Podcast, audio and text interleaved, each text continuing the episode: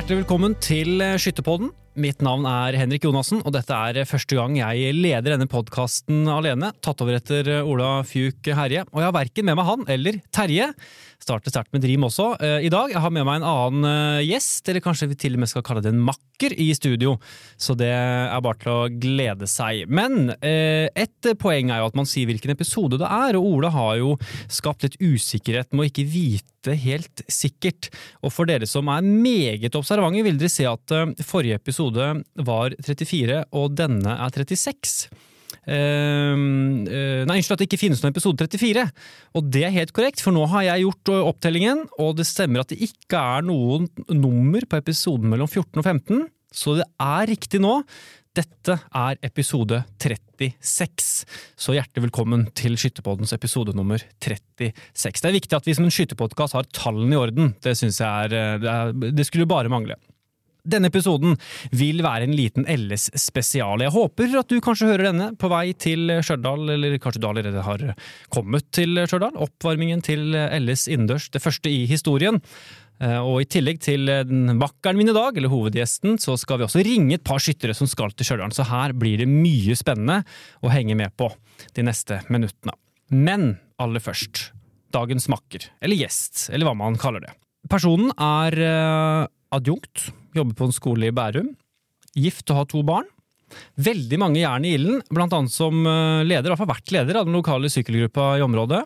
Hun, ja, det er en kvinne, har jobba på skytterkontoret. Medlem av Asker skytterlag. Hennes siste offisielle skytterresultat, i hvert fall DFS-lista som jeg fant, det er 339 poeng i Våpensmia-cupen i august 2019, som fjerdeklasseskytter. Men hun har bronse fra EM, da som 18-åring, i tillegg til to junior-EM-medaljer. Hun har også deltatt for Norge under OL i Beijing, da hun ble nummer 14 på timeteren der. Men aller viktigst så er hun spiker på LS. Det er selvsagt Kristina Vestveit Nervold. Velkommen! Tusen takk, Henrik. Dette her har jeg grugleda meg til. Ja. Veldig. Eh, Men nå er jo det første spørsmålet stemte alt jeg sa? Eh, nei, Nei. det gjorde det ikke. ikke sant, det er Men typisk. det er jo masse som stemmer. Ja, det, nå må du kjøre. Hva er det som ikke stemte? Eh, du startet med å si at eh, ja, gift og to barn, det er riktig. Ja, flott. og så adjunkt, nesten riktig. Med opprykk, da? eller? Ja, med opprykk, ja. Det ja. sto ikke på LinkedIn din. Da må du oppdatere den. Å ja, ja eh, er det en slags side jeg også kan oppdatere? Det er det absolutt. I tillegg til Facebook og Insta og Snap og TikTok og alt andre. Ja. Mm. Ja, det er veldig bra. Eh, Jeg har jo ikke så veldig god peiling på de tingene, faktisk. Jeg er mye på Facebook, men det er sånn praktiske årsaker. For Ja. der er det jo veldig mange grupper som jeg må følge med på.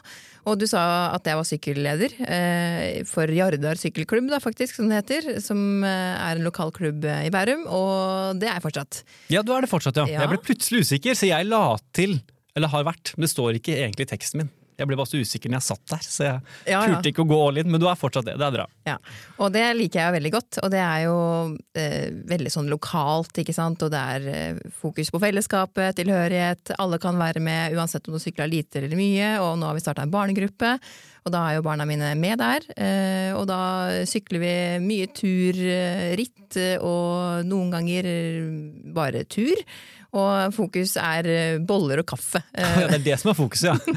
ja det er ikke trening eller det er, jo, det er jo bonusen. Ja, det er bonusen, ja. Ja. Men det er fellesskapet som er det viktigste, og det er det jo skyting også. ja. Eh, Så jeg savner jo det, eh, for jeg har jo ikke skutt på mange mange år. Og du nevnte jo 339, Våpensmia Cup klasse 4, og det var vel i forbindelse med forberedelse til mestermøtet. Så derfor var jeg jo og skjøt et par stevner da, for et par år siden. Og det er da kanskje enda lengre fra det comebacket til forrige comeback igjen. For da har jeg liksom prøvd meg på et par comebacks siden jeg ga meg ordentlig som skytter. For jeg var jo med i OL i 2008, som du sa, og så fikk jeg jo barn i 2010. Og da var det liksom spikeren i kista eh, for den skytekarrieren min. Eh, og jeg prøvde jo å komme tilbake igjen eh, i 2013, var det vel. Men eh, da var det liksom vanskelig, fordi eh, ja, Martine da, hun hadde litt utfordringer i starten av livet sitt, og det gjorde at det ble mye fram og tilbake med fokus på eh, egentlig henne og jobben. Og så kom alt det andre sånn i, langt bak i, på prioriteringslista, rett og slett. Ja. Og er, jeg veit jo at eh, du har skrevet allerede litt om meg om at eh, ja, jeg liker vel ikke å konkurrere hvis ikke jeg har forberedt meg ordentlig. Og det er jo helt riktig. Ja. Og det var derfor jeg begynte med sykling. Ja. Fordi at da jeg var ferdig med å skyte, så måtte jeg jo finne på noe annet. For jeg er jo blitt vant til å trene eh, egentlig hver dag. Fra jeg var sånn ti år, så har jeg på en måte trent et eller annet. Eh, og da blei det veldig rart å ikke skulle drive med noe, da. Og så siden sykkelklubben var veldig lokal, og sykling hadde jeg drevet med siden jeg var ung og liten, og det var også en del av den fysiske treningen jeg drev og skjøt, så var det naturlig å begynne å sykle. Så da blei det helt naturlig steg over dit, så jeg har vært med på masse ritt. eh, Og syns jo det er kjempegøy. Eh, Og dessverre så kom jo den eh, koronaen nå litt sånn midt i egentlig mye som skjedde med jobben, studier ved siden av, og da gjorde det at jeg falt ut av den rittdelen også. Så da har jeg ikke sykla ritt siden 2019. Eh, Og da sykla jeg Trondheim-Oslo. Ikke mindre, nei. Så det var veldig kult. Hvor lang tid brukte du? Nei, vi var jo en hel gruppe, så Ja, jeg Så langt de brukte dere? Ja, vi. Det var veldig viktig, for at vi var et vi. ikke Ja. sant? Så vi var 23 stykker som starta sammen. Og vi var 22 som kom samlet i mål. Og det er imponerende, Ja, altså. det syns jeg er meget sært. Ja, og han ene stilte, selv om han visste at han kanskje kunne ikke Eller han burde droppet det, egentlig. Eh, så han ga seg etter fem kilometer. da er det ganske mange kilometer igjen. Ja, da er du, er du ute av Trondheim da? Eh, ja det er så Ikke vidt. kommunen, tror jeg. Eh, Så vi andre 22 vi kom oss gjennom et forferdelig vær. Oi. Og 23 timer og 45 minutter cirka. Å, så under 24 timer. Ja. Åh, Ja. Det er deilig, da. Det for for det må være et, kanskje et mål? Ja, ja. Eller det, kanskje ikke det var et mål, men det, Det var- blir kanskje et mål når Ja. man i hvert fall ser det etterpå. Jo, på slutten så var det jo det. Fordi at da måtte vi på en måte Det blir jo liksom på skyting at du kjemper for liksom time for time, da. På skyting så er det jo skudd for skudd, selvfølgelig. Men det er mange sånne paralleller. Og det merker jeg jo, for at eh, ettersom at jeg har drevet med skyting og fokusert så mye på skudd for skudd, så er jeg plutselig ganske flink til å fokusere på landeveissykkelen. Ja. Fordi at der må du jo holde fokuset på hjulet foran deg. Det er veldig fort å falle litt ut, eh, og hvis du da faller ut av fokus, så krasjer du. Og det er Og ikke det noe er nesten like alvorlig som å skyte feil. Ja, Sånn skikkelig feil. ja, så skikkelig feil. ja, ja. Bomme litt på skiva, det er greit nok. Men, mener, Ja. ja. men eh, så gøy. Men jeg tenker, er det landeveissykler, eller er det mer sånn med litt sånn, sånn eh, hybrid skogsykler? Du hørte at jeg ikke er så mye i sykkelmiljø, det la du Ja. kanskje merke til på spørsmålene mine. Men, Men eh, jeg altså, har det tynne dekk eller litt tjukkere dekk, da, for å stille veldig banalt spørsmål? Nei, jeg sykler med alle slags dekk. Alle dekk til Ja verden. Er. Michelin òg, eller er det bare Det er gummi på dekka. Det er gummi, ja. Ja. Ikke Pirelli. Jeg er noen ganger pigger på det òg, faktisk. Oi, ja, Sykler du om vinteren? Jeg har gjort litt. Grann. Så da jeg jobber på skytterkontoret, sykla jeg jo til jobb.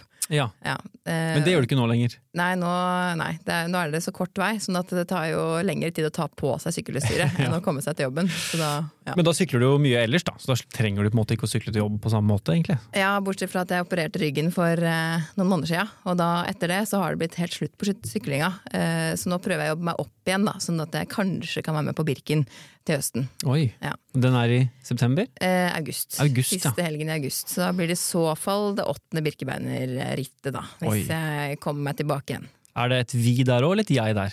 Der er det Faktisk i år så kan det være at det blir skikkelig vi. For Mhm. nå er det allerede 20 påmeldte fra Jardar. Og det har jo ikke skjedd eh, på mange mange år at vi er så mange som er samla. Så det kan være at hvis jeg da blir med, så blir det eh, for et vi. Fordi jeg tror ikke jeg klarer å sykle for personlig rekord. Nei. Eh, Ettersom at jeg ikke har sykla så mye. Fordi jeg har jo sykla, som du hørte, mye, ikke Mhm, sant. Så jeg har jo da en ganske grei personlig rekord på 3 timer og 30 minutter. Og jeg kunne jo ønske meg selvfølgelig å sykle under det, men det tror jeg ikke jeg klarer. Så, og når du da ikke klarer det, så er det like godt å ha et annet mål. Og da kan det være et vi.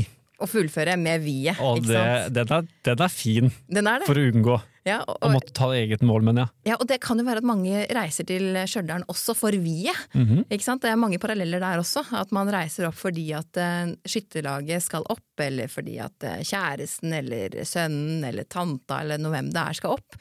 Og du kanskje Ja, du har jo skytterutstyret. Du har skutt noen år tidligere. Men uh, hadde det vært gøy å bare prøve. Men du gjør det ikke for deg selv, men du gjør det for viet. Og det er jo kjempegøy. Ja, det er veldig, veldig gøy. Eh, jeg hadde tenkt at vi også skal på en måte bli litt eh, bedre kjent med deg mer enn som skytter og spiker òg. Så innser jeg at det kan jo ta ganske lang tid, faktisk. For jeg er bare på introen på syklinga di, så det er, det er bra. Da har vi, vi har begynt å komme i gang med pratingen før LS, da. Men nå, jeg introduserte jo deg med litt feil, åpenbart. Um, hvordan ville du introdusert deg selv? Hvem er Kristina? Å, det er veldig vanskelig spørsmål, Henrik. ikke sant? Men jeg, eh, jeg tror jeg innser mer og mer at eh, jeg er et mer følelsesmenneske enn det jeg hadde trodd. da.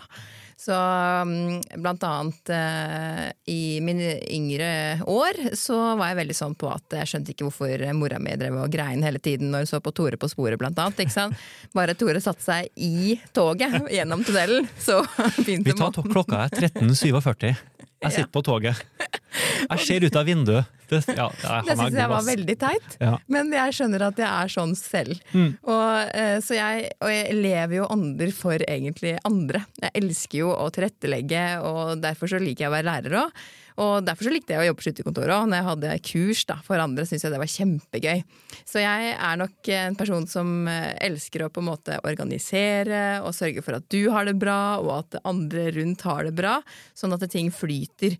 Og så er jeg veldig målretta. Så da handler det også om at jeg kanskje gjerne har satt meg et mål som gjør at jeg får motivasjon, og så jobber jeg jevnt og trutt da, mot det.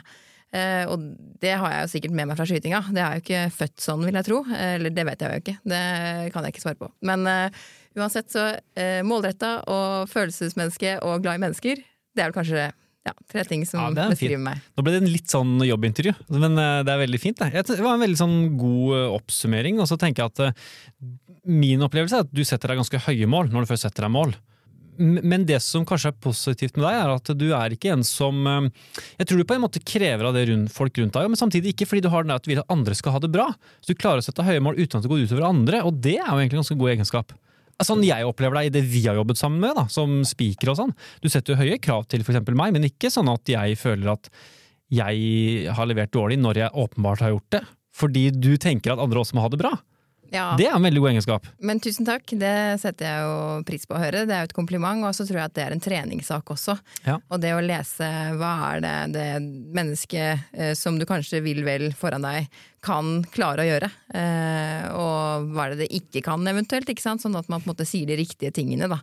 Så ikke det mennesket føler at eh, det aldri vil klare å komme opp til det målet, eller klare å nå det du ønsker, da. Så bra, da. Da har du mye å jobbe med med meg, med andre ord. Neida. Uh, men så, så hyggelig. Men hvordan endte du opp som lærer, da? Du, elsket, du likte godt å være lærer, sa du. Hvorfor valgte du den veien? Det var nok kanskje litt tilfeldig også. Jeg gikk jo på NTG eh, på Lillehammer. Eh, og det, nå er det jo ikke skytelinje der lenger, men det var det da. Eh, og så var jeg veldig målbevisst ikke sant? og ville gjerne bli god i skyting. Så da hadde jeg egentlig allerede bestemt meg før jeg var ferdig på Lillehammer, at jeg enten skulle bli lærer eller politi. Og lærer var nok eh, fordi at det studiet ville jeg komme, klare å komme inn på. Og så kunne jeg bo hjemme, fordi at det var i Drammen. Eh, og så eh, var det lange sommerferier, noe som gjorde at jeg kunne skyte mye. Og det er jo ikke til å legge skjul på at sånn var det. I tillegg så tror jeg at når jeg på en måte innså at jeg ikke kunne bli politi på grunn av at jeg hadde for dårlig syn, så var det liksom Det var ikke noe annen valgmulighet. Eh, og så er jeg nok litt effektiv av meg, og det, jeg tror egentlig jeg har sagt mange ganger til meg selv at eh, jeg skulle gjerne brukt litt lengre tid på den prosessen der, fra jeg gikk fra videregående til jeg valgte neste steg. Fordi at jeg har på en måte tenkt i etterkant eh, Var det eh, det beste valget? Var det det lureste valget? Kunne du gjort andre ting? For jeg har jo flere ganger lurt på om jeg skal bli noe annet enn lærer. Men så finnes det jo mange valgmuligheter som lærer. Altså du kan endre retning, ikke sant. Sånn at det er en veldig fin grunnutdanning uansett. Eh, For det er pedagogisk, og det kan du jo bruke i mange ulike roller. Sånn at eh, jeg tror ikke det var noe dumt valg, men jeg ville kanskje ha brukt lengre tid på den prosessen fra videregående og til eh, høyskole, da. Et lite tips til de unge lytterne her òg, med andre ord, rett og slett du kommer med nå. Ja, kanskje det. Ja. Det hadde du ikke tenkt på. Nei, ja, ja. jo, jo, du hadde det litt. Men det er jo fint at du hadde to ønsker, da. For det er jo litt kjipt hvis du på en måte Ok, skytter og politi. Og så Hvis du ikke kunne blitt politi, så kunne du blitt en nedtur og måtte velge noe annet. Så det er veldig deilig at du hadde to tanker om hva du ville bli, og så gikk ikke det ene, så kunne du velge det andre. Mm. Men øh, man, jeg føler nesten at jeg er obligatorisk om å spørre, fordi lærerne Det er jo masse jobb, og det er jo mye mer enn før. Og rapporteringer og hit og dit og alt mulig. Du slår meg som en veldig strukturert person, eh, for så vidt. da. Men hvordan takler du lærerjobben, da? Ja, hvordan takler jeg den? Jeg takler den sånn som eh, ville gjort kanskje en hvilken som helst annen jobb. Altså tenkt hele tiden hva må jeg gjøre, hvordan skal jeg gjøre det, hvilke steg må jeg ta, hvem skal jeg snakke med, og prøve å jobbe systematisk med det. Og så er det selvfølgelig alt det andre som skjer på utsida av jobben, som jeg også må på en måte prioritere inn i denne lærerhverdagen. Ehm, men ja, jeg blir jo sliten, og det er jo fordi at jeg jobber veldig mye med å klare å tilrettelegge for de barna jeg har. Altså, jeg er jo da kontaktlærer for en femteklasse akkurat nå. Og så har jeg også vært avdelingsleder eh, på barneskolen også, så jeg har liksom bytta litt på rollene. Men ehm, eh, jeg tror det handler egentlig om å klare å eh, strukturere både hverdagen som lærer og den hverdagen utenfor skolen for å kunne klare å få det eh, balansert. Da. Og så sier jeg ikke det at det er balansert hele tiden, for det er det ikke. Eh, jeg er veldig glad når det er fredag ettermiddag, eh, og jeg kan eh, se på TV sammen med familien og bare ta det helt eh, kulig. Og så veit jeg også at jeg har lagt flere planer lørdag og søndag, så det er liksom sånn at jeg må på en måte planlegge også når jeg skal slappe av.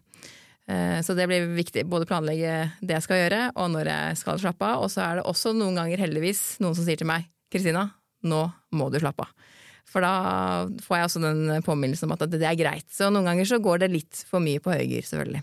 Ja, for jeg, vi prøvde jo å få til et tidspunkt for å spille inn denne episoden her, og det var ikke så lett, faktisk. Fordi ja, det var vel kanskje at det krasja litt med våre timeplaner òg, men jeg så noen av de timeplanene dine. Det var ikke mye ledig pusterom der. Så det er jo, du har jo en hektisk hverdag. Både på jobb og privaten. Ja, og så liker jeg å ha det hektisk. Da. Så jeg tror da, du må like det hvis du skal ha det sånn som jeg har det nå. Ettersom at jeg både er leder for sykkelgruppa og er kontaktlærer og har to barn som driver med flere aktiviteter hver, og så er jeg trener i de gruppene som barna er eh, med, da. Jeg tror det er mange skyttere som hører på her som har veldig mange jern i ilden, og som tenker ja ja, dette er jo helt vanlig hverdag. Jeg kjenner jeg blir litt sliten faktisk av å høre på deg, men jeg, der er nok vi ganske ulike. Eh, jeg liker å ha mye mer fri og liksom slappe av, og jeg elsker jo fredag kveld, fordi da prøver jeg ikke å ha noen ting, rett og slett. Uh, ok, Jeg liker å jobbe og har jobba mye, det er ikke det jeg sier, men den der utrolig intensive mengden ting du har hele tiden, det blir jeg litt sånn svett av, altså. Så for meg er det for mye. Men jeg har på følelsen at det er mange skyttere der ute som er litt i samme situasjon som deg som trener og er på banen ofte og drar med seg både bror og søster og mor og far og alt mulig, og er mye på og aktiv, altså. Det sitter jeg igjen med. Men nå har ikke jeg vært inne i miljøet på den måten, da. Men det er iallfall en følelse jeg, jeg, har av miljøet. Men eh, før vi skal gå litt over på deg som skytter, og skyting, det er jo det dette også handler om, så må jeg spørre, du har jo eh, to eh, jenter. Hvordan vil du Burde kanskje spurt dem, da, men hvordan vil du beskrive deg som mamma? Ja, da må jeg trekke pusten dypt, Henrik. må, du må ikke svare hvis det Jo jo, men jeg tenker at eh, som mamma så er jeg jo kanskje ganske eh, streng, egentlig. Altså, jeg, ja. jeg, liker at vi har rutiner, da. Eh, og så liker jeg at de er aktive. Og så liker jeg at de er omsorgsfulle, og at de ja, er sammen med venner. At de er snille, greie, joviale mennesker, egentlig. Eh, men med streng, da, så mener jeg egentlig at eh, ja, hun eldste, som er snart 13, hun har restriksjoner på hvor lenge hun får ha skjermtid, og ganske sånn tydelig på at eh, jeg forventer en del av henne, da. Og det er en kjempevanskelig balanse, syns jeg synes det, og det syns jeg snakker mye med mine kollegaer om også, at det blir mer og mer utfordrende å være forelder og ikke minst kanskje eh, foreldre til noen i skolealder, fordi at presset øker da, på hva du skal eller hva du ikke skal gjøre. Og ikke minst eh, så får du kommentarer kanskje fra dine egne foreldre om hva som er lurt, fordi at de har jo en eller annen fornemmelse av hva, hva de har gjort, ikke sant. Og det ble jo folk av deg, og. Man har mange meninger om ting, da. Mm. Og man får liksom de meningene fra alle kanter hele tiden. Så det å på en måte stå i det å være mamma eller å være eh, pappa, det spiller jo ingen rolle det, eh, det tror jeg bare Det er mange som har høye skuldre, da. Det er i hvert fall sånn jeg føler det. Og, og det ser kanskje du som lærer òg? Ja, det ser jeg jo hele tiden. Eh, og derfor så prøver jeg egentlig å hjelpe da, andre i forhold til å senke skuldrene og tenke at vi kan bare gjøre én og én ting av gangen, rett og slett. Eh, men ja, jeg har litt sånn kanskje litt dårlig samvittighet innimellom i forhold til mammarollen. Det å ikke klare å legge nok eh, tid til mine barns planer i forhold til kanskje jobben, eh, og i tillegg så har jeg lyst til å trene litt selv også, da. Og det er jo utfordrende, fordi jeg er vant til å trene. Og det å slippe den treningen som jeg på en måte har gjort eh, tidligere før jeg fikk barn, den eh, må jeg hele tiden tenke litt på. på en måte. Hvordan skal jeg klare å opprettholde min egen eh, balanse i forhold til trening, og være mamma og være arbeidstaker. Litt tidsklemmeutfordringer også, da, med andre ord. Tidsklemmeutfordringer, takk. Det er vel egentlig akkurat det. Ja, og det er nok ganske mange som følger på. Men jeg, oppsummeringen min er at du prøver jo å overføre de beste egenskapene fra deg selv til dine barn, da. Ja, det prøver jeg jo absolutt hele tiden. Det er jo smart. Men så har vi jo ti med meg, da. Ikke sant? Det er ja, ja. jo meg og Sondre, da. Som prøver å eh, skape ja, en fin hverdag for barna. Og så har vi jo heldigvis besteforeldre i nærheten. Vinn-vinn. Vinn-vinn-situasjon. Uh, du satsa jo skikkelig som skytter. Uh, hvorfor det, egentlig? Ja, det har jeg spurt meg selv om òg, men jeg tror det handler om at jeg starta i et fantastisk skytterlagsmiljø, i Asker skytterlag, hvor eh, vi var veldig mange eh, som skjøt, og det var eh, god stemning også blant foreldrene. Eh, vi var jo nesten 20-30 stykker når vi dro rundt på stevner, og jeg husker at det å møte Asker i Østlandscupen akkurat eh, på det tidspunktet hvor jeg holdt på, det var sånn sånn oi, vi skal møte Asker, og mange som snakket om at Asker var et godt lag, ikke sant. Og det var jo fordi vi var mange. Og det var kjempegøy å være på trening, og vi hadde mye sosialt både før og etter, og det gjorde nok til at jeg etter hvert da kjente at det er på en måte det her, det her jeg har tilhørighet, da, ikke sant. Og så kom jo resultatene etter hvert. Eh, skjøt jo ikke noe bra de første årene i det hele tatt, og jeg hadde ikke noe forventning eh, verken fra meg selv eller fra andre på at jeg skulle dra på trening. Det var jo, Pappa sa sånn ja, du skal vel på trening i dag, du får komme deg dit selv, da, og så får du få med deg en tier, for det kosta ti kroner for å trene. Da? Det var sånn det var det første året. Og så når jeg kom hjem med medalje fra klubbmesterskapet, så begynte mamma og pappa å bli litt mer interessert og syntes at det var gøy at jeg hadde holdt på så lenge. Eh, så da hadde jeg egentlig vært mye Eh, på egen hånd, på egen maskin, de første, eller første halvåret kanskje, jeg vet ikke, jeg husker ikke helt. Eh, så etter hvert når pappa begynte å interessere seg, han ble også skytterlagsleder, og mamma sto jo og stekte vafler til den store gullmedaljen i mange år, så blei vi jo en familie som dro på tur. Og da etter hvert kom resultatene, og så ble det tilrettelagt for at jeg skulle skyte bra. Ehm, både mamma og pappa interesserte seg mye, og jeg fikk lov til å begynne på NTG Lillehammer. Og da begynte nok også målene å sette seg mer. Så jeg husker veldig tydelig at jeg sa at jeg skulle bli verdensmester, eller i hvert fall at jeg skulle bli en av de beste da, ikke sant, i forhold til skyting når jeg gikk på NTG. Og eh, jeg ble jo ikke verdens beste. Jeg er jo ikke i nærheten av det landslaget som er nå, for nå er det jo helt fantastiske mm. prestasjoner. Mm. Eh, men jeg gjorde det beste ut av det, og det var jo andre tider. Det er jo flere år siden, ikke sant. altså Landslagsstrukturen har endret seg mye. Ja. Eh, men jeg har jo et fantastisk liv å tenke tilbake på som skytter, eh, både i klubbmiljøet og i landslagsmiljøet. Så all min oppvekst er på en måte basert på skyting, da. Og, så du er ikke en sånn Ingebrigtsen-drevet fram, du, med foreldre som står bak nærmest med pisken og, og slår deg? Dette er noe du har faktisk startet nesten med selv, da? Ja. Det, det, men altså, du har jo drevet det selv, du har gått, du har tatt ansvar selv, du har vært et selvstendig barn og ungdom som fikk interessen gjennom det. Og det er jo også, tenker jeg, uten at jeg har vært sånn, er ganske sunt. Ja, altså eh, Det er ikke sikkert at jeg har sagt akkurat det til pappa, at eh, det her var bare egendrevet. Fordi han var veldig ivrig. Var ja. veldig, veldig ivrig. Ja. Og jeg har sagt noen ganger at eh, du pappa, du har noen sånne gener fra Ingebrigtsen. Fordi han var veldig på. Men samtidig så var han ikke så på at han på en måte tok over eh, som trener. Han, jeg hadde Anne Grete Jeppesen som eh, trener en lang periode. Jeg eh, Leif Danne Rolland som trener en lang periode. Rune Kjølgaard har jeg hatt på NTG på Lillehammer. Og så Vidar Fossmo har vært trener. Trond Kjøll. Jeg har hatt mange trenere som har vært ordentlig skytte, skyttertrenere. Så pappa har på en måte bare vært en tilrettelegger, men han har også vært veldig tydelig på hva han forventer. Så hvis han skal kjøre meg rundt, så forventer han også at jeg drar på trening. Så eh, det var eh, en gang hvor vi hadde skikkelig utfordring på standplass, han og jeg. Altså, fordi at eh, ja, de skulle skyte inn til felt. Og han bærte fram skivla i Asker skytterlag, og tåka kom. Og jeg, jeg sa at det går jo ikke an å skyte nå, du ser jo det, det er jo så mye tåke.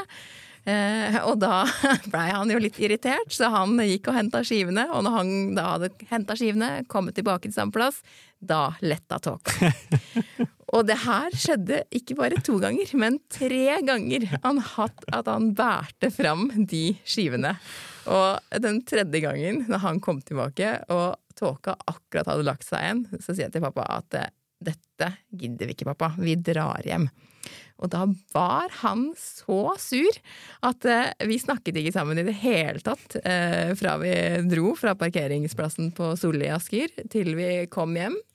Og så eneste jeg hører eh, mamma Hun fornemmer med en gang da, at det er noe, ikke sant, så hun sier sånn Hva er det som har skjedd for noe? Og da svarer ikke jeg, for jeg syns jo Jeg var jo sikkert tenåring og syntes at det var vanskelig å snakke. Så da sier pappa bare 'det får du ta med dattera di'. og da låste jeg meg inn på do. og så tok det sin tid da, før vi fikk prata om det. Så vi har hatt noen eh, sånne eh, episoder. Og det var en gang også på idrettshøyskolen, husker jeg, hvor han eh, hardnakka var veldig på at jeg måtte bytte hullkorn. Det var det som var utfordringen, og derfor jeg skjøt litt dårlig. Uh, og jeg, da var jeg veldig tenåring, så jeg tror jeg var ganske kvass og krass tilbake og fortalte at dette her hadde ikke han peiling på, hvert fall, for han var jo ikke noe skytter. Så fikk han overtalt meg likevel da, til å bytte det hullkornet, og jeg skjøt jo kjempebra etter at jeg bytta det hullkornet. det er vanskelig å innrømme til faren sin. det er veldig vanskelig. Det syns han var uh, en veldig fin ting å ta opp sånn uh, tatt opp kanskje hvert år etterpå. Sånn, ja. Husker du den gangen? Bare for at jeg har rett, jeg også. Ja. Ja. ja. det er godt at de kan ha litt rett, de òg, da. Fedrene våre. Ja. ja. Men tenk, du vant jo faktisk senior-EM-medalje eh, som junior, vel? Du var vel bare 18 år gammel. Eh, hvordan var det å følge opp det, da? Det var jo veldig sånn merkelig mesterskapsfølelse, egentlig, fordi det var 300 meter, og akkurat da så Jeg hadde nesten ikke trent til eh, den øvelsen. Det var halvmatch i Beograd, og jeg var jo egentlig heldig som fikk lov til å skyte, og så fikk jeg låne en børse. Og ja, jeg skjøt jo bra, for jeg hadde jo trent masse. ikke sant? Jeg trente jo sikkert dobbelt så mye som mange av de andre rundt meg på NTG Lillehammer, for jeg var helt besatt av skytinga. Og, så da fikk jeg det jo til da, på den halvmatchen, og så fikk jeg medalje. Og, men jeg følte at det allikevel var liksom nesten som sånn Viken 1-mesterskap. Ja, men det er litt ikke, ikke å si det. Ikke noe galt om Viken 1, men nei, nei, det er altså, ikke EM. nei, men det, det, var få nasjoner, ikke sant? få ja. deltakere, sånn at jeg la nok ikke så mye i det. Jeg, og jeg ser jo at det står på Wikipedia. ikke sant? Bronse, EM. Ja, Det ser jo veldig flott ut, da. Det ser veldig flott ut, og det sier jo elevene når de søker meg opp òg. Så sier de 'å, det står om deg på Wikipedia', og de blir helt sånn, ikke sant. Og så sier jeg ja, og da må jeg jo si tusen takk og anerkjenne det, for ja. det står jo der. Jeg kan ikke si det, at det føltes ut som et klubbmesterskap, for det går jo ikke. Men det var sånn det føltes da, for det mm. var såpass få deltakere at jeg la nok ikke eh, så mye i det at jeg tenkte at det her må jeg forsvare, liksom. Eh, så det er flere andre stevner jeg liksom kommet til og tenkte at åh, nå må jeg liksom forsvare at jeg har trent så mye, og det er forventningspress, og jeg har nok mye press inni meg, ikke sant. Så ja, det, det, gikk greit, Henrik. Det var det kortsvaret. Det gikk greit. Ja, for jeg kan jo være litt slem og si ja, men du klarte jo ikke å følge det opp heller, da. Nei, det gjorde jeg ikke. du tok to junior-EM-medaljer junior e også, men ikke, du vant aldri medalje på seniornivå i mesterskap seinere? Ja, Eller? jeg fikk eh, EM-gull sammen med Gyda ja. og Anne Marit Nordløkken, mm. Gyda Olsen, da, i, på luft-EM. Ja. Eh, og det var kjempestort. Eh, så det føltes som en seier, eh, rett og slett. Og det er litt gøy at man føler at et laggull er på en måte omtrent som en seier individuelt. da. Eh, men jeg har også to, eller jeg har sølv fra VM, som eh, altså junior-VM. Oh, ja. Eh, så det sto ikke i statistikken din. Nei, jeg, jeg var inne på ISSF sin. Ja, sånn, ja. ja. Og der tror jeg ikke det sto Jo, kanskje det var VM, ja. Ja, men, ja, samme det. Mm. Men det var ganske, det var ganske irriterende. Så det er nok det mesterskapet jeg liksom har mest føle, følelser fra. Når var dette? Uh, ja, altså årstall og meg, da. Ikke sant? Det er nesten som å spørre om hvilke resultater jeg har hatt. For jeg jeg er litt dårlig på å huske sånne ting. Ja. Men, det var en gang for noen år siden. Jeg, Husker du hvor det var, da? Uh, uh, Bare fortell historien, det går ja. bra, det. det er derfor vi har med deg Ja. som LS-speaker, eh, Henrik. Fordi at du tar deg av tallene. Ikke, ikke bare derfor, men Nei, nei. det er en stor Jo, jo. grunn. Stort sett derfor, egentlig. Vær så god. Ja. Eh, greia var at det, det her var jo eh, Jeg har jo hatt mange mesterskap hvor jeg egentlig har skutt litt dårlig innledende. Og så eh, har jeg henta meg inn igjen i finalen, for jeg elska å skyte finaler. Og det var jo mye enklere finale enn det det er nå, da, internasjonalt, for nå er det jo mm, i alle tre stillinger. Mens da var det kun ti skudd stående. Eh, og det som skjedde i VM, det var at det var ikke finale. Så jeg skjøt jo en kjempebra innledende, jeg har aldri skutt så bra innledende før. Og så ble jeg nummer to, og da ble jeg jo rangert fordi at eh, hun som hadde samme poengsum som meg, hun hadde flere sentrumer.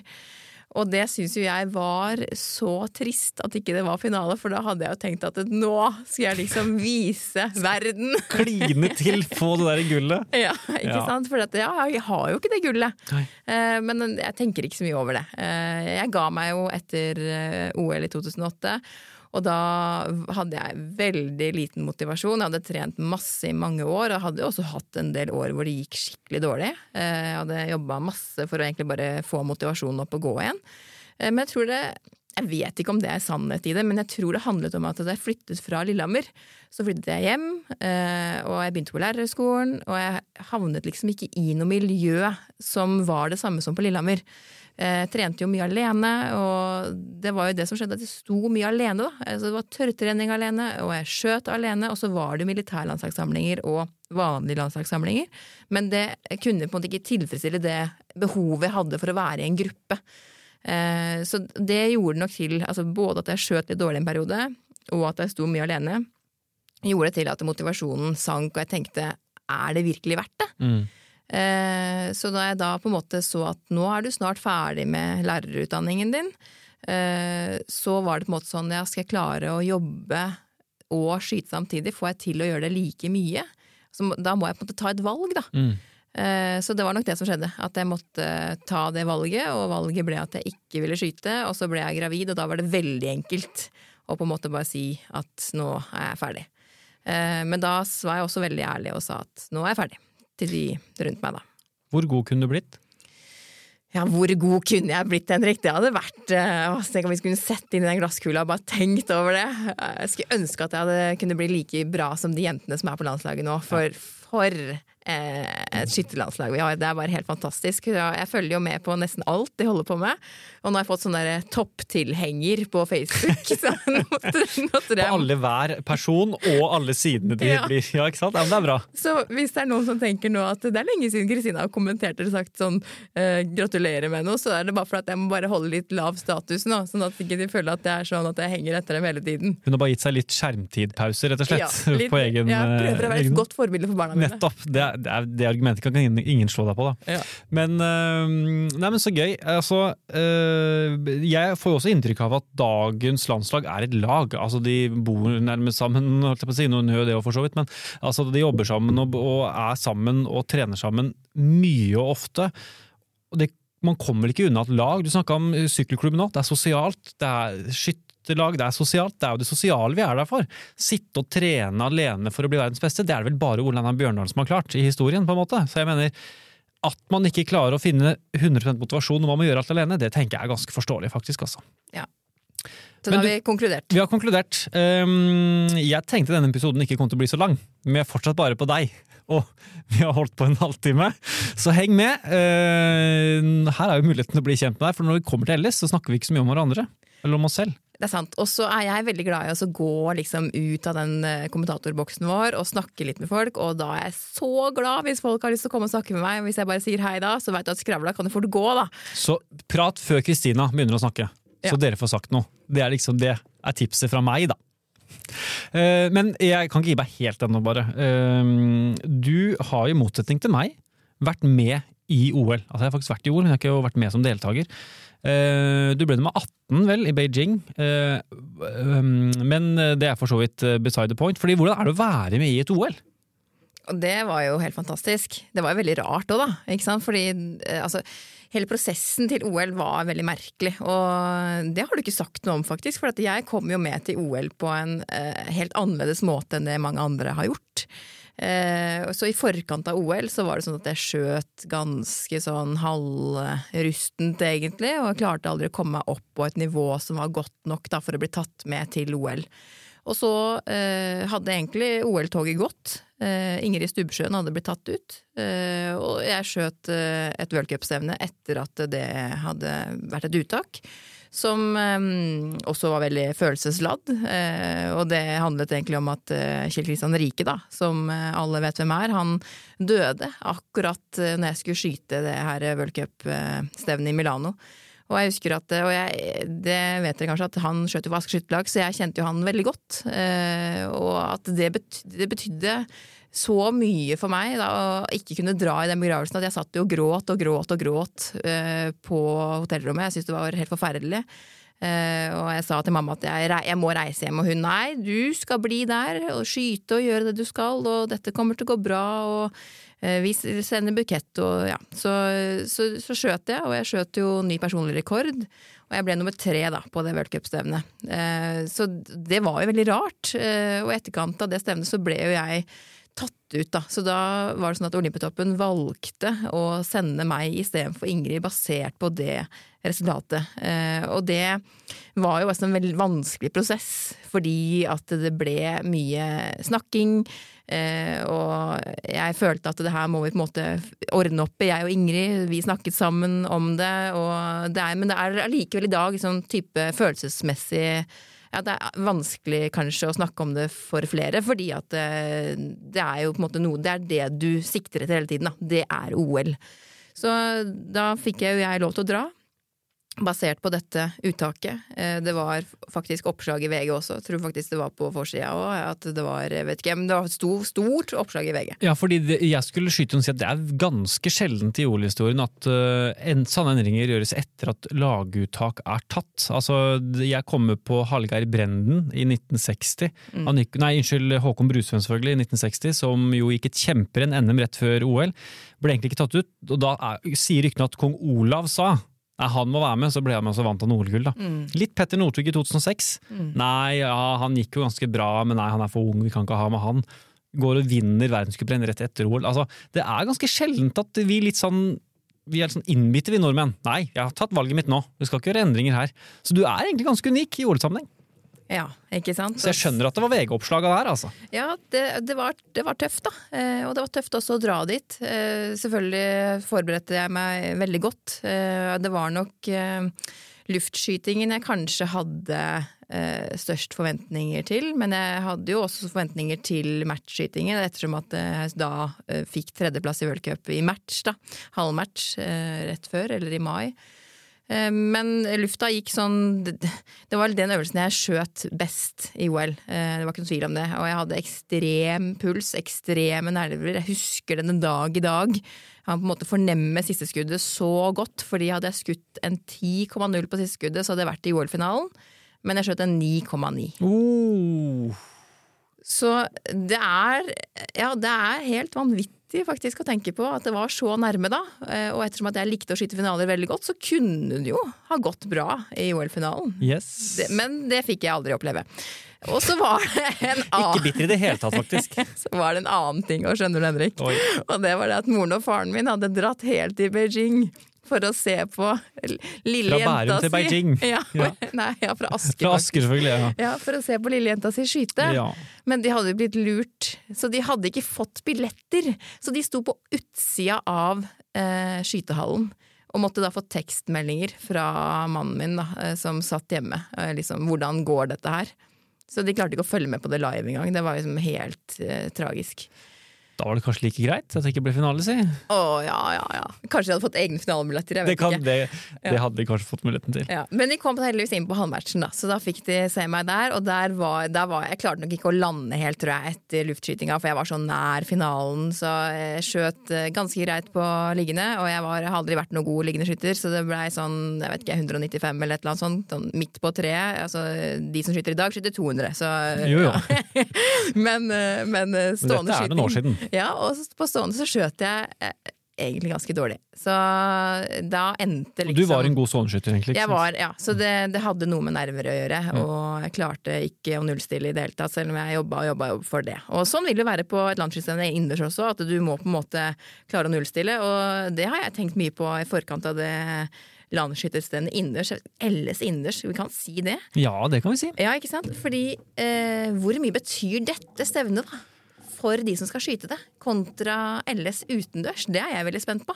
Legger de like mye i det? Vil det være samme LS-følelsen? Vil de ha samme LS-nervene? Og så skal jo vi prate samtidig som at eh, de skyter, og det vil jo være nytt, da. Så det Ja, det- blir spennende. Ja, det er mye nytt her, og vi kan, øh, nå har vi begynt å kjenne deg ganske godt, egentlig. Eh, Så nå skal vi begynne å vende oss litt inn mot LS. Og eh, du var jo med første gang som speaker på Skytternes mestermøte, Elverum 2021. Det var, du, det var da du, jeg sa 2019, det var feil i min greie når du var i Våpensmia Cup. Det var vel august 2021. Eh, og så var det selvfølgelig vi to i Bodø i fjor. Hvordan er det å være speaker? Og det er spennende. Og det er kjempegøy. Og jeg har jo følelsene utapå kroppen. Så, og, og, og ærefrykten er kjempestor. ikke sant? Tenk om man sier noe feil, og tenk om man sier noe som andre reagerer litt på. Det snakket jo dere om i forrige episode på Skytterpodden også. Så vi må bare finne den nærmeste nødutgang, Henrik, og så se om vi klarer å finne den.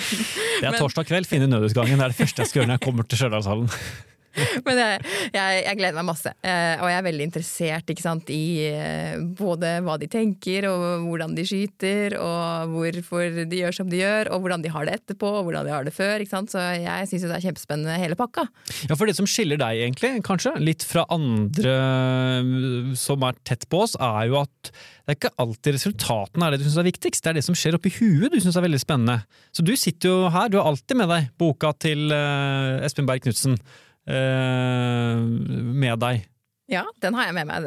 Ikke på jobb, da. Nei, i Men, øh, skyttersammenheng, da. ja. På LS. Den ligger alltid på bordet i spikerbua, faktisk. Ja, men vet du hva, nå har jeg funnet eh, ut av at eh, det må komme et eget kapittel om LS innendørs også, så Ja. det må på en måte komme et sånt uh, eh, geværskyting 2 snart. Ja. Ja. Mm. Ja, sånn at den blir litt oppdatert. Det, det gjør sikkert Espen på strak arm. Det gjør han, vet du. Ja. Han har fått oppfordringen herfra, Så. Det, da er det bare til å kjøre på. Hvilke forventninger har du til LS innendørs, da? Landsskytterstevnet innendørs? Jeg har forventning om at eh, det blir eh, spennende, og spesielt disse nye skytingene som dere snakket om også i forrige episode. Og så snakket jeg, jeg var faktisk innom Viken 1, altså landsdelskretsstevnet i dag, eh, i Sande. Og der møtte jeg Ole Kristian Bryn og Anders Bryn og pappa Otto Bryn. Og så sa jeg det blir jo veldig spennende da med denne Ola Five-skytinga. Og da var det Otto da som sa hva for noe? Hva slags skyting er det du snakker om? Og det var jo også litt spennende å høre at det var ikke alle som på en måte var klar over at det var en ny type skyting. Nei. De har ikke hørt på podkasten, med andre ord. De har ikke hørt på podkasten, og kanskje ikke de fokuserer noe på det i det hele tatt. Så, men jeg tror det er mange som fokuserer på det, og jeg snakket også med han jeg er gift med hjemme da, om dette, fordi han er jo en helt annen type skytter enn meg. Han skyter jo eh, for å skyte raskest mulig. Det elsker han. Når han på en måte kan komme hjem, og han skyter mye pistol, da, så når han kommer hjem fra pistoltrening, og så, ja, så, da sier jeg 'hvor mange skudd har du skutt i dag'? Det er det, jeg- Det er det som er spørsmålet der, ja. det er det første jeg spør om. Så han hadde jo på en måte bare elsket denne femskudden, Mm. eh, hvor det er raskest mulig tid. Mens eh, den 25-skudden, det hadde jo jeg hatt fokus på. Mm. Og så hadde jeg liksom tenkt oi, å ja, der kom den femskudden, ja, ikke sant. Ja, det stemmer, vi skal skyte den også. Så jeg tenker at det er også noe vi må grave litt i, da. Mm. Ja, for det, vet, det, det er jo veldig sjelden at man går rett fra en 25-skudd og rett over i en annen type innledning, hvor du har fokus på én ting. Eller har du fokus på hva om du egentlig kommer dit for Ola Five-skytingen? Jeg skjønner at man ikke kommer dit pga. det, men altså, det er kanskje noe du har satsa ekstra på. da. Så må du gjennom 25-skudden først også. Det er er interessant, det er det mentale spillet som kommer til å utspille seg mellom de to, de to skytingene. Jeg tenker jo Det du opplevde på, hos Viken, holdt jeg på å si, det er jo interessant. da. Kanskje det er eh, mulig å komme seg til en finale der eh, ganske greit. At det ikke er alle som har fokus på den. Så det er bare et lite tips da, til dere ute som eventuelt nå, helt i innspurten, legg deg ned og tørrtrene i hvert fall på, på disse fem. For her er jo poenget, du skal ha fem skudd, eh, og så er det de som skyter best. Og så vet vi, det er 1600 påmeldte, det er 16 som kommer til finalen. Det betyr at det kommer til å være over 16 som skyter 50, det er vi jo helt sikre på. Det betyr at rangeringen blir jo i praksis på tid. Den som skyter raskest, den kommer til en eh, finale, eller en kvartfinale, eller en åttendelsfinale, også kvartfinale osv. Så, videre. så det gjelder da å finne den balansen, som vi har snakka om i to podkaster allerede, så jeg skal ikke bruke for mye tid på det, men finne den balansen på fort eller trygt. Og hvor ligger den eh, tida? Det blir veldig spennende, faktisk. Etter en 25-skudd skal dette gjøres. Ja, og jeg hadde stressa uansett, for jeg er ikke noen hurtigskytter. Så jeg hadde liksom aldri klart å skyte på ti sekunder. Eh, da hadde jeg sikkert fått forkiling eller et eller annet sånt hvis jeg skulle satse på det. Så jeg hadde jo satsa på trygt eh, og prøvd å skyte fort. Men eh, vi kan jo høre med de vi har tenkt å Ja. ringe òg. Ja. Jeg lurer på om vi skal prøve å ringe den ene. Jeg sa før vi satte i gang at jeg ringer om ca. 20 minutter. Nå har det gått tre kvarter. Vi, har pratet, vi er glad i å prate. Men de er skyttere, så de er tålmodige folk. Ja, ja, ja, skal vi se. Da tror jeg vi skal ringe første. Da kan jeg si hvem vi skal ringe, da, kanskje. Sånn så, ikke, sånn så folk vet det. Vi har med oss to. Den første vi skal ringe, det er rett og slett eh, Line Rødland, Klepp eh, skytterlag. Eh, Line, som eh, mange kjenner, ble jo veldig populær eh, under LS i fjor. Skal vi høre om hun tar telefonen, da, nå som vi drøyde så lenge? Heia, det var Line. Ja, hei Line, det var Henrik fra Skytterpodden her. Hei sann. Vi var nesten usikre på om du kom til å ta telefon, for vi har brukt så lang tid vet du, på å prate her i studio, men det er godt du, godt du satt klar, da. Så har jeg med meg Kristine her også. Ja. ja, hei sann. Hallo, hallo, Line. Ja, det nærmer seg jo eh, LS innendørs, eh, Line. Hvordan, eh, hvordan har du det? Jeg har det veldig bra. Jeg gleder meg kjempemasse. Ja, Hvordan har innendørssesongen din vært hittil, da? Den har egentlig vært ganske stabilt grei. Det er vel Jeg tror det er første innendørssesongen som jeg har hatt uten avbrytelser fra korona, så det var endelig fått fullført den skikkelig en, og den har egentlig gått ganske bra. Eh, jevnt over ganske mye god skyting med et par sånn småglimt på de virkelig gode poengsummene.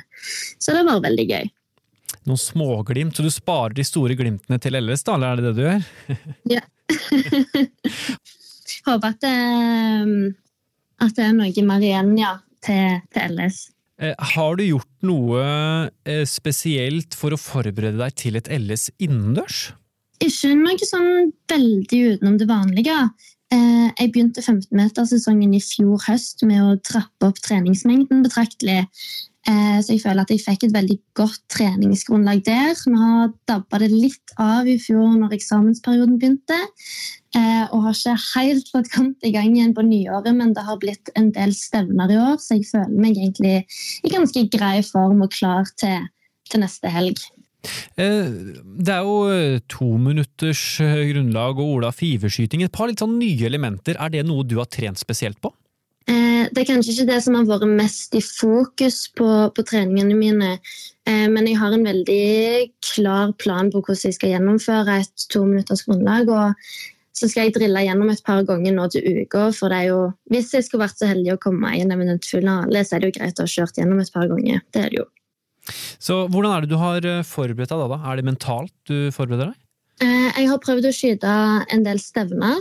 Nå hadde vi jo landsdelskretsstevne her i Sørlandskretsen sist helg, Eh, så da fikk jeg jo litt eh, god trening der under press.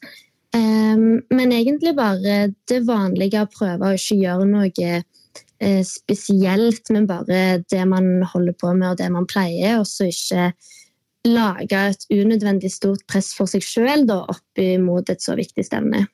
Nei, for det er et interessant spørsmål. Hvor viktig vil du anse at et LS innendørs er? Det blir jo det største stevnet for innendørssesongen, og innendørssesongen blir jo egentlig bare større og større som året går, spør du meg. Men eh, jeg holder kanskje enda en knapp på, på utendørssesongen, og LS der holder jeg nok enda en knapp over ellers LS innendørs, ja. Men det blir jo et veldig kjekt arrangement, og jeg håper at man får, får til å skape den LS-atmosfæren som man har på arenaen utendørs, at vi får til det oppe i Stjørdal òg. Så er det litt spesielt inne i en eh, gymsal og hele pakka. Har du på en måte tenkt litt hva som møter deg når du kommer dit? Nei, jeg har jo fått med meg at det blir eh, spikertjeneste, sånn at vi skytterne hører det underveis på skytinga. Så det blir jo veldig interessant og spennende å se hvordan, eh, hvordan det går. Det er Kristina og jeg òg, for å si det sånn. Vi er veldig spente på det. Kristina, er vi ikke det? Jo, jo, veldig spente på det. Um, men det tror jeg du kommer til å takle helt fint, Line.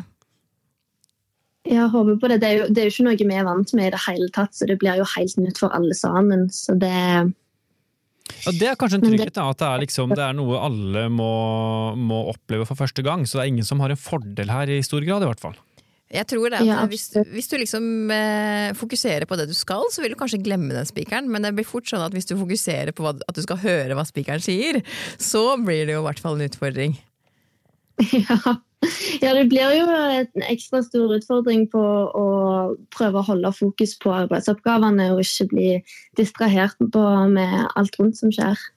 Jeg kan anbefale ikke hør på oss, jeg tror det er bedre at du konsentrerer deg om skytingene. Um, Ja.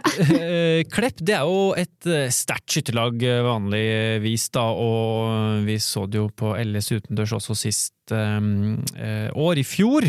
Uh, og så var det i utgangspunktet slik at dere ikke skulle ha med en liggende skytter, men nå har jeg skjønt at dere har fått tak i det likevel, så nå stiller dere lag, stemmer det? Ja. Stemmer, stemmer. Vi hadde jo tror vi var 57 på lagsmesterskapet her for et par uker siden. Så det ble jo nesten litt for dumt at vi ikke skulle klare å stille lag. Men nå har vi altså klart å, å lokke med oss en rekruttskytter som skal være med nordover. Så det var jo veldig gøy at vi til slutt at eh, vi òg stiller lag. Ja, vi trenger, eh, vi trenger Klepp med. Da er jo dere selvfølgelig en av favorittene. Hvem, se, hvem ser du på som de største motstanderne da, i lagskytingen? Og det er jo et veldig godt spørsmål. Det er jo litt spesielt når det på en måte er lagskyting og ikke samlagsskyting. For um, jeg føler på en måte at veldig mange skytterlag har slitt litt av et ganske stort frafall etter korona. Og å både ha eh, veldig gode skyttere i alle tre stillingene i alle klassene der, det jeg, jeg tror kanskje vi kommer til å se et par overraskelser. At eh, ja, at det er litt uh, utjevna. For hadde det vært samlagsskyting, så hadde de fleste greid å stille veldig sterke lag. Men nå som det bare koker ned til lag, så, så blir det spennende å se hvordan, hvordan det blir til slutt. ja. Spennende. Det gir oss en liten ekstra dimensjon her, eh, nettopp dette her, Kristina. Mm, absolutt. Eh, jeg tror du har veldig rett i det, at det kan fort komme noen eh, overraskelser her. Eh, og Så gjelder det jo den individuelle skytingen utenom deg selv, åpenbart. Hvem anser du som den sterkeste til å vinne i Stjørdal? Åh, ja, Det er jo et godt spørsmål. Jeg tror at det, For det første så kommer vi nok til å få en del overraskelser i, i finalen. For eh, jeg føler at det er jevnt over flere som presterer ganske bra innendørs. Eh, utenom det så har jeg nok en knapp på de unge i år. altså. Jeg tror vi kan få se både Olve og Karoline ganske høyt oppe på listene, og kanskje til og med helt øverst. Jeg vet at begge de to har skutt veldig bra i det siste. Så det blir, eh, blir, spennende å se. Og så er det jo en ny finale som ingen har fått prøvd på stevne før. Så det blir kanskje litt vanskelig å peke ut en favoritt med tanke på den. Men vi får se hvem som har dagen, og hvem som behersker den raske skytinga best. Du er jo ganske ung du òg, da. Ja. Får kanskje henge meg med oppe med de, prøve på det. Ja, gjør det. gjør det. Så håper jeg at vi ser deg i toppen. Gleder du deg til Stjørdal, Line? Og jeg gleder meg kjempemasse. Jeg skal jo reise opp med hele kjernefamilien. Eh, og vi skal jo ha et par stevner i området i tillegg, så blir det jo veldig kjekt å treffe skyttere som du ikke ser på de lokale stevnene her hjemme. Og så gleder jeg meg jo veldig til å se om, om vi får til den LS-atmosfæren der oppe i hallen. Så jeg tror det blir en kanonkjekke helg. Det gleder vi oss til også, og det håper vi at vi alle sammen klarer å skape. Tusen takk for at du tok deg tid, Line, og var med i podkasten, og masse lykke til. Jo, tusen takk for at dere ville ha meg med. Skulle bare mangle. Ha det bra. Ha det godt. Line Rødland, hun er klar, hun. Ja, det er veldig gøy å høre hvordan skytterne forbereder seg. Og så er det som hun sier at det blir liksom helt eh, noe nytt da med denne nye finalen og en annen dimensjon, som hun sa. At eh, ja, man får se noe helt uh, nytt som man ikke kanskje har forventa før. Og hun har en knapp på de unge skytterne, da. Det er også spennende. Og jeg vet jo at de unge skytterne som hun nevnte der, har uh, trent mye, og de er målretta, og de har også gått på, eller går på skoler også, da, med tilrettelegging for at de kan skyte i treningstida, eller i treningstida skal du høre. Ja, ja. Arbeidstida. Arbeidstida. Ja. Yes. På NTG har, har, de gått begge de to som hun nevnte, da. Og da er det kanskje naturlig da, å ringe en av dem. Ja. For vi skal også snakke med Karoline Finnestad Lund. Vi beveger oss ikke langt fra Klepp, men et lite stykke sørover. Så håper jeg at Karoline også tar telefonen. Hei, det er Karoline. Hei, det var Henrik fra Skytterpodden her. Ja, hei. God dag. Du, beklager, jeg lovte deg for ca. en time siden at jeg skulle ringe om 20 minutter, men eh, Det går veldig fint. ja, jeg har jo med meg Kristina, medspiker i boksen her, og vi har prata veldig mye. Vi er glad i å prate, vet du, så beklager det. Nei, nei, det går veldig fint. Du, eh, Karoline, aller først må jeg spørre, hvordan har du det? Eh, Det går veldig bra, holdt jeg på å si. Håper det går bra med dere også. Ja, med meg. Kristina, åssen går det med deg? Ja, det går veldig bra. Takk for at du spør. Ja, det var hyggelig. Um, Det du, hvordan har din eh, Jeg går rett på sak, eh, Karoline, men det, det jeg egentlig kan si først Vi snakket akkurat, akkurat med Line Rødland, og jeg Ja. ba henne, eller spurte henne utenom henne selv hvem hun anså som noen av de sterkeste til å vinne på LS. Og Da sa hun at hun hadde tro på de unge, og så nevnte hun to navn, og det var Olve Grønås, og så var det Karoline Finnestad Lund. Så hyggelig, da. Hva tenker du selv om å kanskje være en av de som kan gjøre det bra? Nei, altså Det er jo veldig hyggelig å høre, men det er utrolig mange i Skytter-Norge som kan gjøre det bra, da. Så akkurat det tar jeg med meg videre, men eh, jeg vet ikke om eh, det kommer til å nå opp helt, da. Men Hvis du ser på Skytter-Norge og sånn, så er det jo utrolig stor bredde, og nivået er såpass høyt, så ja, alt kan skje. Hvordan har du forberedt deg da, inn mot dette LS innendørs? Altså, Jeg kan ikke skryte på meg at jeg har trent eh, dritemye DFS. da. Jeg har trent eh, luft og match på, i Kongsvinger på NTG der. Eh, men eh, jeg hadde to eh, stevnegjennomkjøringer i går. Eh, var vel det? mm. Hvordan gikk det? Ja, det gikk egentlig veldig bra. da. Jeg hadde 3,49 og 3,50. Så jeg skal ikke klage. Nei, det syns jeg det var absolutt innafor. så det betyr at du begynner å finne litt eh, holdt på å si fram til form, det har du sikkert hele tiden, du som skyter mye, da, men du har begynt å finne litt fram eh, de gode resultatene, du da, med andre ord. Ja, eller eh, det blir spennende med den der eh, finalen der. Grunnlag på to minutter. Der tror jeg mange kan eh, eh, skyte seg opp og skyte seg ned. Så Har du trent spesielt på den? Nei, eh, egentlig ikke. Jeg har jo blitt vant med luft og match, og der er det jo ikke noe særlig tidsbegrensninger, så ja, det blir spennende. Det blir skikkelig overgang for deg da, med andre ord, skal skyte på to minutter hvis du kommer til en finale. ja, det blir det. Men jeg satser på at mamma kommer i finalen og kan se bror, da, for hun sliter jo gjerne mer enn meg. At du kan slå dem, i hvert fall. Ja. Så gøy. Hva med denne Ola Five-skytingen? Fem skudd, eh, best mulig poeng på kortest mulig tid. Er det noe du har tenkt på, vurdert, forberedt deg på? Jeg skal jo ikke akkurat si at jeg har trent så mye på det heller, eh, men eh, eh, vi får, jeg får bare gjøre så godt jeg kan, holdt jeg på å si. Så det blir jo bare gøy. Dette er jo det første LS innendørs som eh, skal arrangeres. Så har vi jo selvfølgelig LS utendørs, som er den store, viktige eh, hendelsen gjennom et år. Men hvor viktig vil du si eh, at dette innendørs-LS er? Altså, det blir jo et NM da, på en måte innendørs, så det er kanskje mange som ikke får det til utendørs med 6,5, som kan få det til innendørs. Det er jo mange som klarer å skyte 3,48, 3,47 og bedre enn det de klarer på 200 meter nå. Så det er sikkert enda flere som kommer til å hevde seg her, Ja, tror jeg da. Ja, spennende. Det er jo eh, litt nytt også, så det er sikkert mange som Vi kommer kanskje til å se noen overraskelser. Og så må vi jo nevne lagskyting. Jeg gikk gjennom oversikten der over det jeg så i går. Da fant jeg ingen uh, Finnestad Lund i lagskytinga, kan det stemme? Ja, det stemmer nok. Ja, hvorfor skal dere ikke være med? Nei, eh, i Søgne så det er jo ikke så mange ungdommer og sånn som skal reise oppover, for det er jo veldig, eller det er jo et stykke å reise. Eh, Så vi har jo ikke nok folk til å stille. Og Peter Sørli som skal skyte på Søgne i 3-5, da, han er jo utrolig flink og dedikert, holdt jeg på å si. Så ja. For eh, alle de som skal skyte nå, er jo flinke, så de får gjøre så godt de kan. Det skjønner jeg veldig godt, men det betyr at uh, du, og for så vidt dere, familien, kan, uh, kan fokusere fullt og helt på den individuelle skytingen, da, i hvert fall. Ja, og så skal vi heie fram eh, laget vårt, da. Det er viktig. Det er viktig. Du, utenom deg selv, hvem er det du anser som de sterkeste til å vinne i Stjørdal? Da mener jeg både din klasse og kanskje hovedklassen.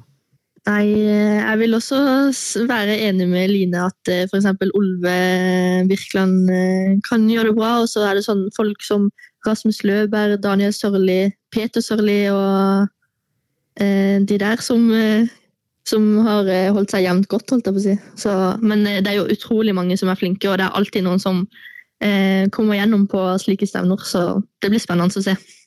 Gleder du deg, da? Ja, jeg gleder meg veldig mye. Så bra. Du, Karoline, takk for at du stilte opp i podkasten, og så må jeg ønske deg masse lykke til i Stjørdal. Jo, tusen takk sjøl.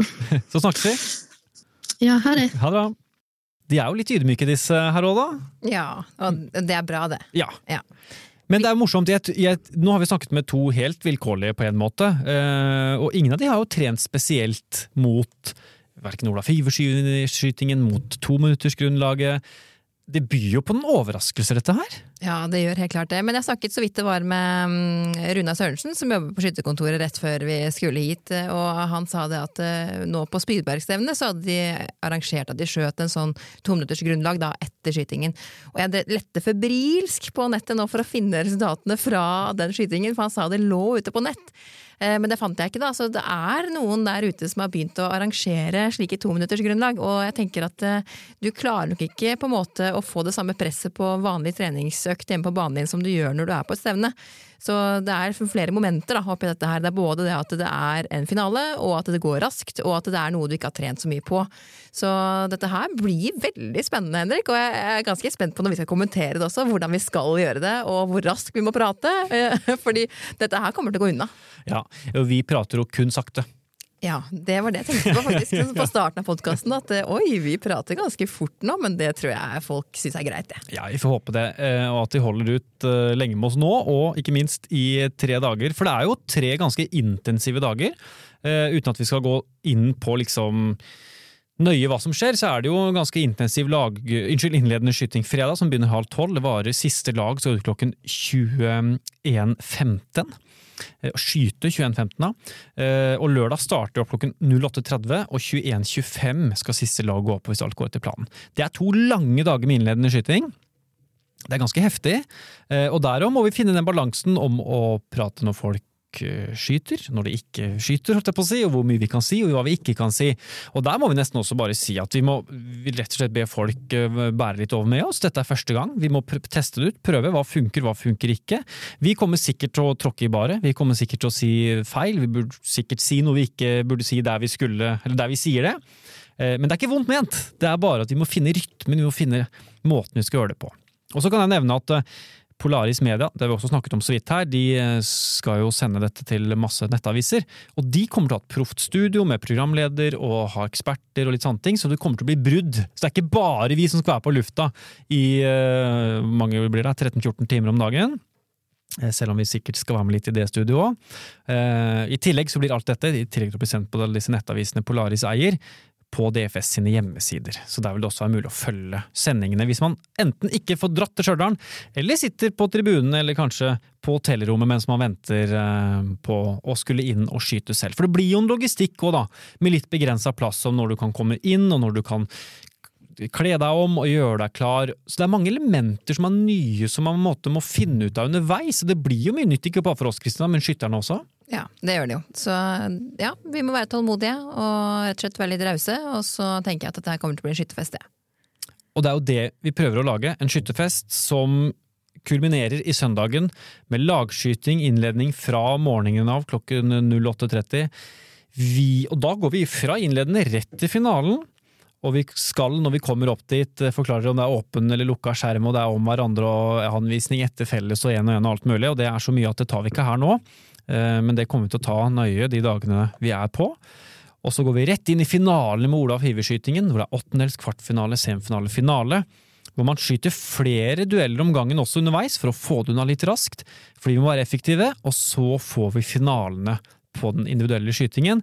Med først de innledende skytterne, og så da selve finalelagene med de fem beste i hver eneste klasse. Som klokka fire da skal vi, hvis alt går etter planen, og det er et hvis, det er et stort hvis, da skal vi ha kåret vinneren i klasse 35. Eller eldre junior, da. Det kan jo bli det også her denne gangen. Så klokka fire søndag, da har vi lagt bak oss tre ganske intensive dager, men forhåpentligvis klarer vi å skape en skytterfest av dimensjoner også innendørs. Det er i hvert fall målet vårt, Ja. og det må alle skytterne være med på også. Å skape den stemningen, og at vi klarer å liksom se tilbake på disse dagene som noen fantastiske dager, hvor vi også har kjent på den ellers-følelsen. I hvert fall at vi klarer å få litt av den, selv om det ikke blir helt det samme som et utendørs ellers. Og det som du sier, er veldig viktig at vi alle er med og skaper om. Og så eh, satt jeg og vurderte litt, da. Skal vi begynne å snakke litt om favoritter i de ulike klassene? Skal vi trekke fram noen navn? Så er jeg litt usikker. Fordi én ting er jo hva jeg har klart å lese meg på hittil og fått med oss av stevner litt her og der. En annen ting er hva folk gjør av. Vi hører jo Karoline, ikke sant, som først nå har begynt å skyte litt eh, konsentrert inn mot eh, disse arrangementene og disse stevnene. Um, men det er så mange spennende navn, altså. Men så har vi noen Jeg har ikke funnet for eksempel, da, for å ta et helt konkret eksempel, Roger Ottesen i V55. Han har ikke jeg funnet på listene. Han stiller da mest sannsynlig ikke i år. Det er jo spennende, da. En meget god V55-klasseskytter, for eksempel. Så det er jo noen sanne elementer her òg, som blir veldig spennende. Men vi har hørt disse snakke om de unge, og så er det noen åpenbare store favoritter her. Det må vi kunne si. Ja, altså jeg tenker jo fort på Rasmus Løberg som en stor favoritt, og det er nok litt fordi jeg tror han har trent målrettet eh, på også eh, både Ola Fiverskytingen, men fordi han er jo også en stangskytter, han er god der òg, eh, og feltturti, men også fordi han har trent eh, på tominuttersgrunnlaget. Eh, jeg har ikke snakket med han direkte, men jeg har hørt via via. At, eh, så det, det, er det jeg tror er nøkkelen, er at du har trent og forberedt deg på tominuttersgrunnlaget. Da vil du klare å stå imot det presset som møter deg når du skal duellere, da. For de skyter én og én, gjør de det på siste finalen der? Eller om det er to og to. Det er i, fall, I de har, hovedfinalen? Ja, da er det to og to sammen, faktisk. Mm. Ikke sant? Så det er hovedfokuset er på dem. Ikke ja. sant? Og det er ikke som et vanlig stevne i det hele tatt. Det blir noe helt eget, dette her. Det er også faktisk eh, ja Nå var det to ting hodet på en gang, jeg kan først si det er også snakk om at man skal drive med prøveskyting på de to neste mens øh, grunnlaget skytes, faktisk. Eh, for at vi er effektive i gjennomføringen. Så det vil bli en litt sånn ja, flere ting som skjer samtidig. Så man skal holde tunga og hodet på rett sted. Tunga rett munn, hodet på rett sted. Rasmus Rødberg føler jeg nesten Han får mye press nå. Han føler jeg blir tatt opp i hver Skytterpodden-episode, i hvert fall. Som en av de store favorittene til LS. Eh, selvfølgelig ikke uten grunn, men han får et press på seg, Løberg, nå, altså. Ja, men det er kanskje det presset han skaper mest selv som er det største presset, tror jeg. Eh, men det er helt sikkert andre navn der som også vi ikke har nevnt nå, som plutselig dukker opp, og så får vi nesten bare ta det når alle har skutt hvordan ser dette her ut, da? Ikke sant? Og det blir spennende. Og sånn er nok vi skyttere litt òg, det er ikke så interessant i hva man har gjort før, men det man skyter her og nå, det er det som gjelder. Ja, for det er jo lett å se på resultater fra denne sesongen innendørs. Oi, jeg skjøt 349, jeg skjøt 350, ja, eller hva det måtte være. Og tenke at da cruiser jeg inn på det, men det kan man jo aldri. Og i hvert fall ikke når man kommer til noe som er helt nytt. Ingen har gjort det før. Jo, man har vært på innendørsstevner, man har skutt eh, mange sammen innendørs for så vidt, men ikke på den måten. Ikke så stort, ikke så mye rigg rundt. Det vil jo være en helt annen greie. Det er aller første gang for alle, dette her. Og det gjør jo det både spennende, usikkert, men utrolig morsomt, tror jeg utrolig morsomt. Og jeg kjenner allerede nå at uh, pulsen er ganske sånn høy for min egen del. Og sånn var det også rett før eh, LS i Bodø, hvor jeg så på pulsklokka. Da, da var jo faktisk jeg alene òg, når jeg skulle introdusere hele Ja, for jeg skulle skyte, ja. Ja, du skulle skyte, vet ja. du. Uh, så, så, det blir jo litt sånn at vi òg må på en måte senke skuldrene og ikke ha overtenning, akkurat som skytterne. De må unngå den overtenninga, fordi da er det fort gjort å tenke på neste skudd istedenfor det skuddet du skal ha. Vi har troa på at dette blir veldig veldig bra. Nå skal vi hjem og forberede oss eh, helt uh, slutt, sluttinnspurten på det, før uh, vi reiser til uh, Stjørdal. Um, noen avsluttende ord? Hva du forventer, hva du tenker? Hvordan, hvordan blir dette her? Jeg gleder meg, Henrik, og jeg er så glad for at vi har snart holdt på en time. Snart? Er vi over? En time og ti minutter er vi på nå. Å ja, da kan du ja, se! Ja, ja, Så vi er godt i gang. Du var jo redd for at vi ikke skulle ha så mye å snakke om. Sa, Det blir kanskje en halvtime, sa jeg. Men de som ikke ønsker å høre så mye på meg, eh, nå har du kanskje aldri hørt om meg, de kan jo spole over første halvtimen, så kan høre på de andre som er kanskje mer interessante. Nei, Vi alle er interessante, ja. og jeg tenker at vi har Det var veldig, veldig morsomt å bli litt bedre kjent med Kristina. Både mennesket og skytteren. Ja, det er hyggelig. Og ja. som sagt så er det bare å komme og snakke med meg òg på landslagsstevnet. Det er da de gode historiene kommer.